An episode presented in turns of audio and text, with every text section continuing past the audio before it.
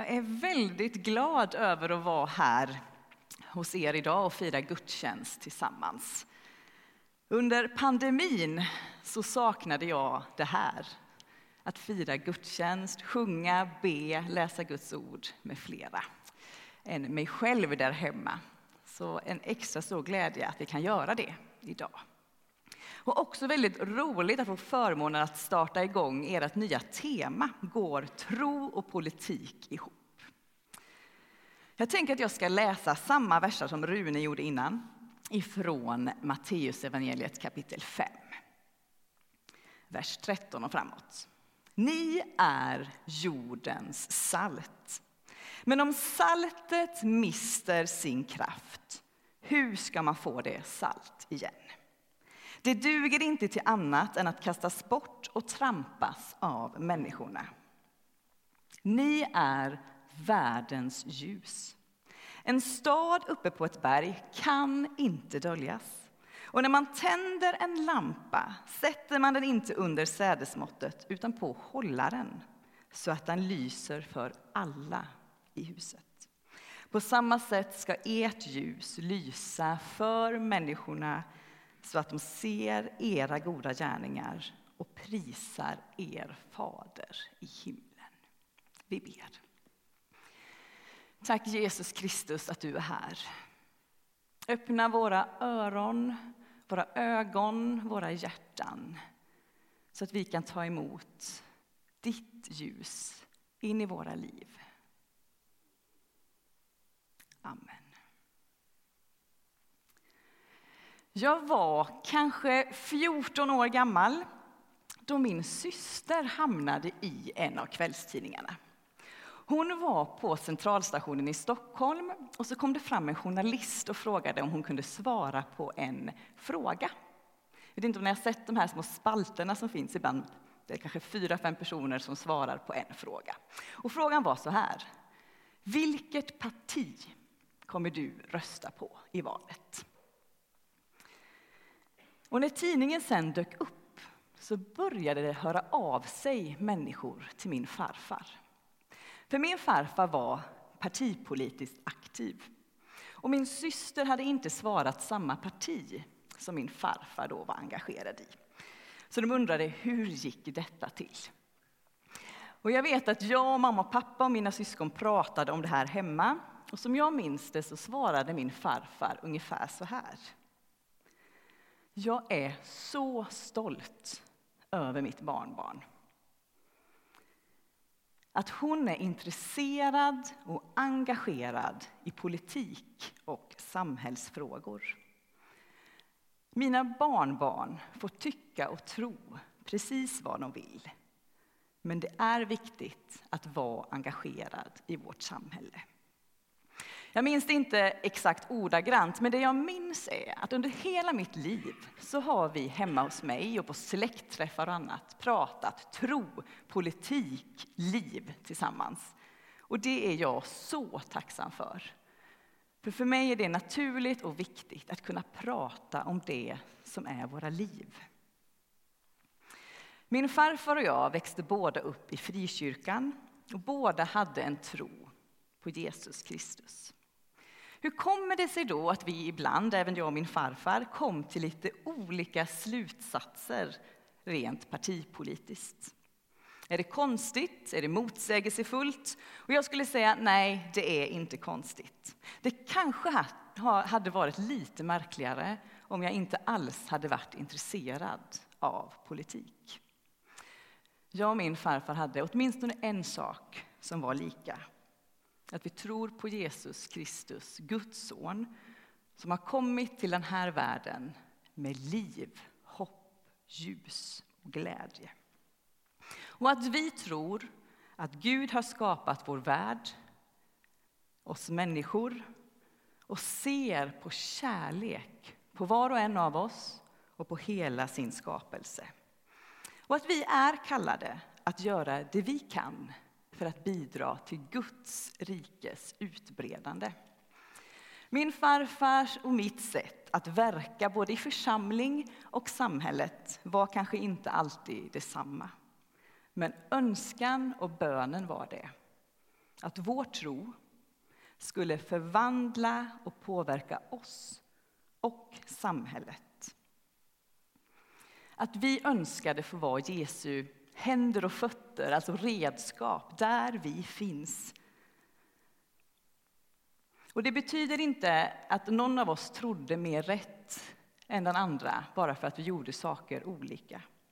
Ingen av oss var mer eller mindre lärjunge, utan tack vare vår tro och längtan att följa Jesus så fanns också engagemanget för vårt samhälle där. Åter till bergspredikan. Ni är jordens salt. Vi är jordens salt. Vi har en uppgift där vi finns. Att vara lärjungar, händer och fötter, salt och ljus.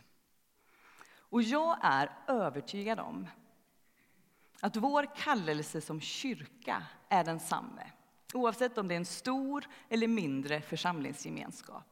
Om man finns på landsbygden eller i storstan. Vi är kallade att finnas där människor är och möta dem med Guds kärleksfulla blick. Vi är kallade att dela varandras liv. Och märker vi att det finns någonting i vårt omgivande samhälle där samhällsstrukturerna inte räcker till eller människor far illa, skapelsen far illa så är vi kallade att göra det vi kan för att det ska bli bättre. Vi är kallade att sprida hopp och ljus. Och det hoppet kommer från Jesus själv. Men om saltet mister sin kraft, hur ska man få det salt igen? Vi är världens ljus. En stad uppe på ett berg kan inte döljas. Vårt ljus, mötet med Jesus, det det gör med oss, ska lysa för människor så att de ser våra goda gärningar och prisar vår far i himlen. Hur ser det ut i ditt liv just idag? Vad gör du för att ljuset ska fortsätta lysa i dig? För att saltet inte ska mista sin sälta. Under pandemin så insåg jag att någonting som är viktigt för mig är det vi gör nu. Fira gudstjänst tillsammans med andra. För att ljuset ska fortsätta vara tydligt för mig. Och när det inte gick att göra på samma sätt som innan så började jag fundera på vad är viktigt för att jag ska fortsätta att tro. Att ljuset ska fortsätta lysa i mig Vi har säkerligen olika sätt. Något bland det viktigaste för mig är att prata om det med andra. Få säga det här tycker jag är svårt. Eller det här betyder mycket för mig. Och jag behövde hitta lite nya goda, heliga vanor i mitt liv. Och det som hjälpte mig med det var bland annat att lyssna till andras goda vanor. Så är det någonting jag önskar var och en av oss är att vi kanske redan vid kyrkfikat idag säger det här tycker jag funkar för mig, men det här är svårt. Att ljuset ska fortsätta lysa i mitt liv. För mötet med Jesus förvandlar mig, dig och världen. Och det börjar med ditt möte med Jesus. Vad betyder tron för dig? Och vem finns i din närhet som du kan dela liv, tro, tvivel med? För när vi får fatt i vad tron betyder för oss så är det så mycket lättare att visa, att berätta för andra om vem Jesus är. Varför vi önskar att fler skulle till exempel tillhöra en församlingsgemenskap. Och det blir också lättare att som församling se vad man är kallad till att göra just på den plats där man finns. Ett bibelställe som fångar upp vårt uppdrag till den plats där vi finns är från Jeremia i Gamla testamentet, kapitel 29. Det här kapitlet eller stycket sätter ord på att vara kallad att verka för Guds kärlek där man är, att den ska märkas så att fler får möta Jesus Kristus. Och I Jeremia där så står det om hur Gud deporterar, eller Guds folk deporteras till en plats där de inte vill vara. Så kan man läsa om att de längtar tillbaka till det som var gott. Folket var ledsna, frustrerade, rädda. Och så mitt i den här situationen så sänder Gud sin profet, alltså Guds röst, som säger ungefär så här. Här ska ni nu vara i 70 år innan jag tar mig an er. Alltså, ni ska vara här ett helt liv. Jag kan bara ana hur det känns att få det budskapet. Att det nog inte ligger allt för långt bort att tänka okej, okay, då får jag bara genomlida detta. Så blir det förhoppningsvis bättre sen för mina barn eller barnbarn när de här 70 åren har gått. Men då säger Gud genom sin profet Jeremia, ni ska inte genomlida detta, utan se nu till att ni verkligen bor på denna plats. Plantera träd, bygg hus, gift er, bli fler, inte färre. Och så säger han så här, gör allt för att staden dit ni deporteras ska blomstra. Be till Herren för den. Gör allt för att platsen där nu, ni nu finns ska blomstra. Ibland så kan jag känna hopplöshet, inte minst i tider som nu. Vi kommer från en lång period av pandemi. Det är krig i vår närhet. Klimatet befinner sig i ett nödläge. Men då påminns jag ofta om orden från bergspredikan som vi lyssnade på tidigare här. Som talar om ljuset och hoppet.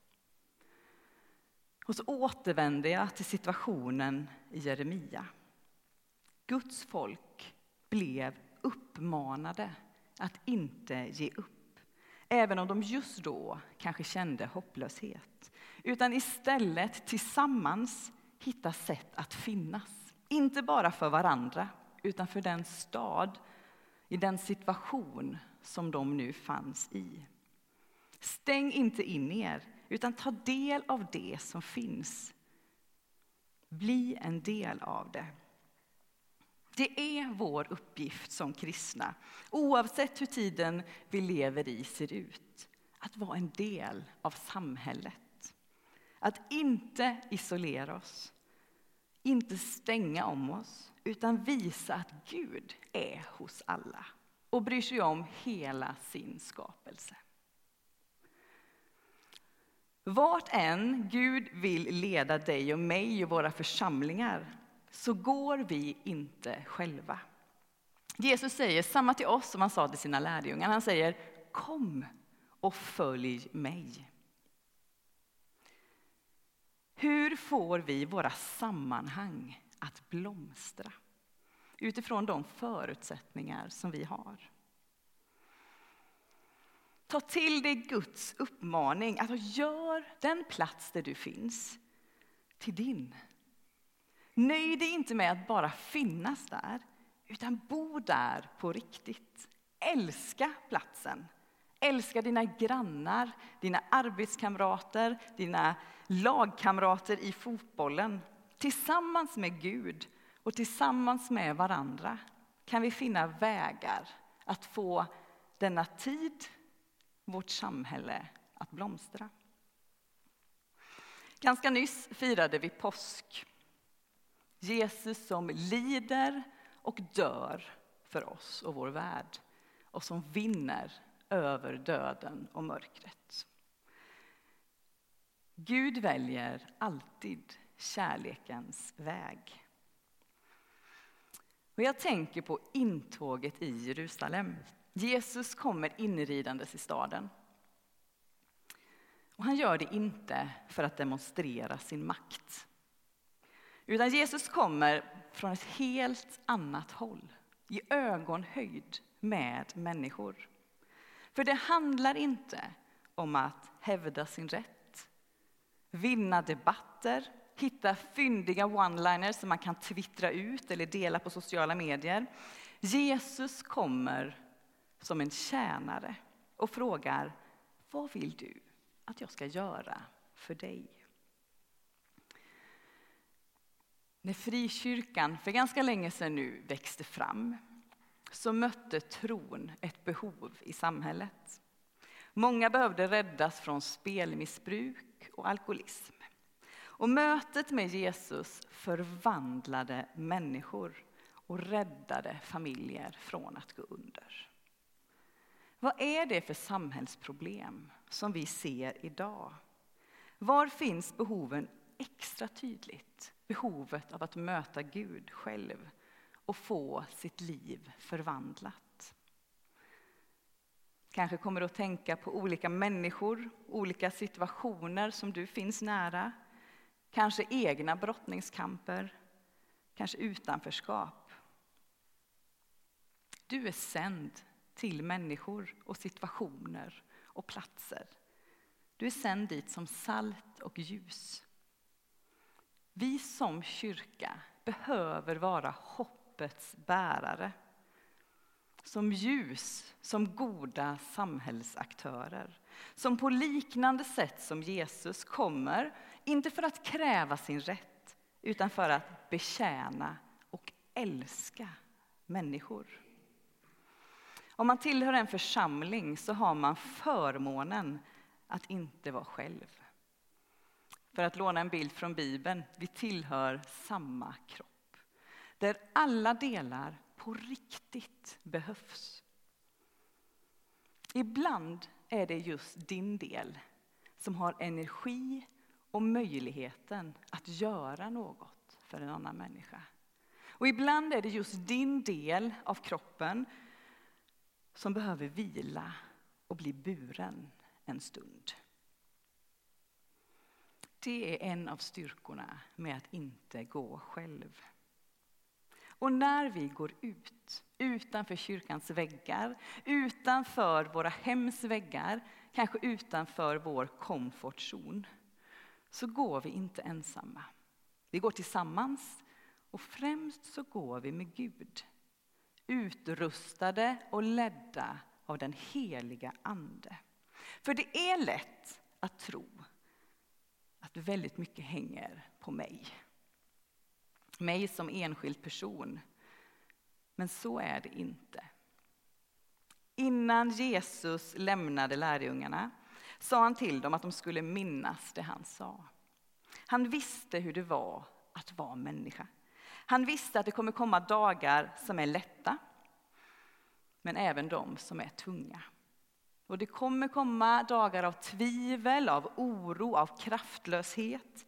Och när de dagarna kommer, så låt oss då hjälpas åt att komma ihåg att vi ska få kraft när den heliga Ande kommer, som det står i första kapitlet i Apostlagärningarna. Vi går inte i egen kraft, utan i Guds.